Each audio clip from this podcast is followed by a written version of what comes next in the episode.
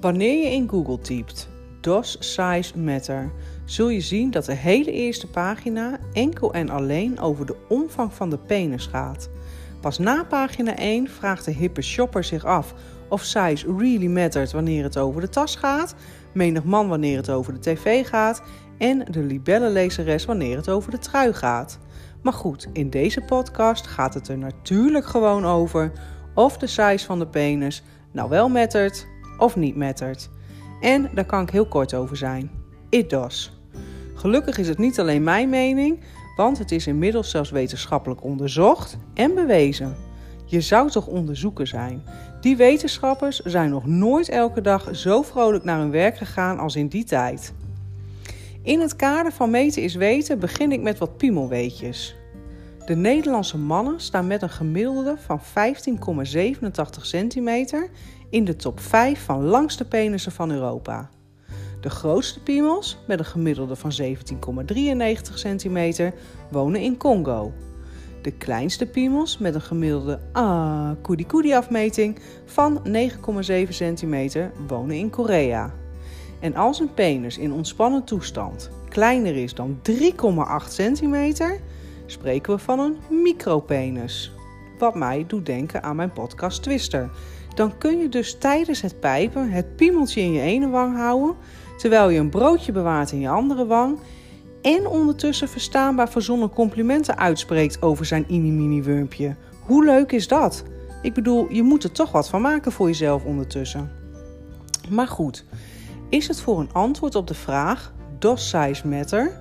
Niet eerlijker om ons niet alleen blind te staren op de lengte van de piemel, maar ook te kijken naar de diepte van de vagina. Want of de maat ertoe doet, wordt immers bepaald door hoeveel onze vagina's ervan voelen. Tijd voor wat vagina-feitjes. Net als bij mannen is er een groot verschil tussen de vagina in rust en de vagina bij opwinding. In rust is de vagina 7 tot 10 centimeter diep. Bij opwinding zal ze verruimen en uitgestrekt worden als een tentzeil tot een lengte van elk formaat penis of speeltje. Ook de breedte van de vagina is rekbaar. Helemaal opengetrokken, zoals bij een bevalling, kan de vagina 15 centimeter breed zijn. En de sterkste vagina kan 14 kilo tillen. Ik kan me voorstellen dat jullie nu denken: hoe in hemelsnaam is dit opgemeten? Nou, dat ging zo. De Russische Tatjana Kosevnikova, dit heb ik niet geoefend, dus is echt heel erg knap, bracht een houten ei in met daaraan gekoppeld een haak met daar weer aan gewichten. Nu een vagina feitje uit de oude doos, wat gezien deze context een heel leuk woordgrapje is. In 1879 is via de natuurlijke weg een baby van 10,8 kilo geboren, welke op dat moment een hoofd had van 48 centimeter in omtrek. Het kan niet anders dan dat jullie nu ook zo'n gepijnigd gezicht trekken zoals mannen doen wanneer zij zich op het moment herinneren dat ze tijdens het fietsen van hun zadel gleden zo met hun ballen op die stalen stang. Oeh. Laatste vagina feitje. In 2011 werd een vrouw aangehouden die 54 volle zakjes heroïne, 31 lege zakjes, waarom ook die dan hè, 8 pillen en 51 dollar en 22 cent in haar vagina had verstopt. Oké, dat van die drugs, dat schijnt dan gebruikelijk te zijn om via die weg bij je te dragen.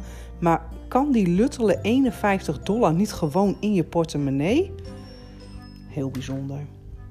Het lijkt er in ieder geval op dat de diepte van de vagina niet zozeer per vrouw verschilt, zoals de lengte wel per man verschilt, maar wel afhangt van de mate van rust of opwinding. Ik moet bekennen dat ik trouwens niet echt een beeld heb bij uitgestrekt als een tentzeil, maar dat is misschien omdat ik nooit meer kampeer. Uitstrekken kan ze dus. Terug naar de grootte van de piemel versus de diepte van de vagina. Tja, als een vagina bij opwinding zo diep en breed kan worden, is het wel fijn om ook wat van die mannelijkheid te voelen natuurlijk. En niet alleen tijdens de daad zelf, je wil ook graag de hele hand nodig hebben om af te trekken. Of in een ideale wereld zelfs allebei je handen. In plaats van dat dit je moeiteloos afgaat met alleen je duim en wijsvinger.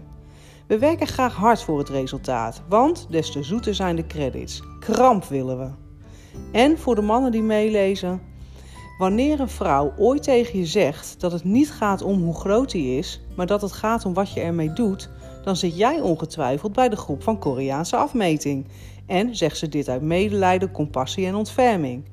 Iets doen met je piemel heeft helemaal geen enkele waarde als je aan het roeren bent zonder dat je de kanten raakt. Dan heeft namelijk niemand door dat je überhaupt iets aan het doen bent, want je doet het een soort van in het luchtledige. Heel fijn om dit een keer gezegd te hebben.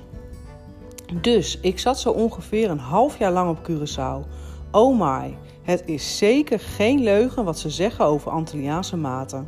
Zo was er eentje die beloofde dat hij met alleen zijn piemel, dus zonder handen of andere hulpmiddelen, geen idee waar ik dan aan moet denken, misschien aan een soort schoenlepel of zo, mijn baarmoeder kon omkeren.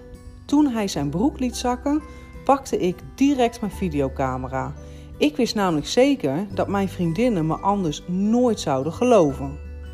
Dus een paar maanden later, terug in het koude Nederland aan de tortilla chips met dip, keken we alle kleurrijke beelden van dit prachtige eiland terug. En jawel, ook het bewuste fragment kwam voorbij. Hij gaat je vermoorden met dat ding, riepen ze in koor. De ene vriendin kroop dichter naar het scherm omdat ze gewoon niet kon geloven wat ze zag. De ander verstopte zich achter een kussen alsof ze een horrorfilm keek, waarbij iemand de kelder inrent in plaats van naar buiten. Waarom ook altijd weer die kelders, hè? Zo onmenselijk groot was hij. Ken je dat? Dat als je langs een weiland met paarden wandelt, je dan ineens het lid van een hitsige hengst ziet slingeren? Nou, in die categorie moet je ongeveer denken. Maar het is niet zo dat je dit alleen op de Antillen tegenkomt natuurlijk. Ook de gewone boeren Hollandse knuls kan goed bedeeld zijn. Niet zo groot geschapen natuurlijk, maar wel dusdanig dat je je ernstig afvraagt of het je gaat lukken. Maar ja, nu we dat van dat tentzeil weten, hoeven we ons daar ook niet meer druk over te maken. Gelukkig maar.